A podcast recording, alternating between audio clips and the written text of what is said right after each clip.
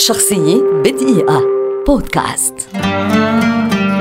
فريد شوقي وحش الشاشة العربية. ممثل وكاتب سيناريو ومنتج مصري ولد عام 1920 ويعد أحد أبرز وجوه تاريخ السينما العربية. التحق شابا بالمعهد العالي للفنون المسرحية وظهر عام 1946 للمرة الأولى في فيلم ملاك الرحمة ثم في فيلم ملائكة في جهنم في العام التالي. فلفتت موهبته الأنظار وتوالت أعماله بعد ذلك. امتدت حياته المهنية على نحو أكثر من خمسين عاما تألق فيها فمثل مثل وأنتج وكتب سيناريو أكثر من 400 فيلم.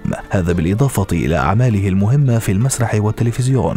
غطت شعبيته مجمل العالم العربي وصار من أبرز نجوم شباك التذاكر كما عمل مع أكثر من 90 مخرجا ومنتجا وحصد أكثر من 92 جائزة داخل مصر وخارجها. لعل أبرزها وسام الفنون الذي قلده إياه الرئيس جمال عبد الناصر. من أهم أعماله السينمائية نذكر إعدام ميت عنتر بن شداد شباك حبيبي ليلة العيد المليونير رصيف نمرة خمسة اسكندرية ليه جعلوني مجرما اللعب بالنار والغول. أما في المسرح فقد شارك بحوالي عشرين مسرحية منها شارع محمد علي الدلوعة وحكاية كل يوم. إضافة إلى عدد من المسلسلات التلفزيونية الشهيرة مثل البخيل وأنا. صابر يا عم صابر والعاصفة. رحل فريد شوقي عام 1998 عن عمر ناهز 78 عاما تاركا بصمة استثنائية لا تمحى في تاريخ الفن العربي.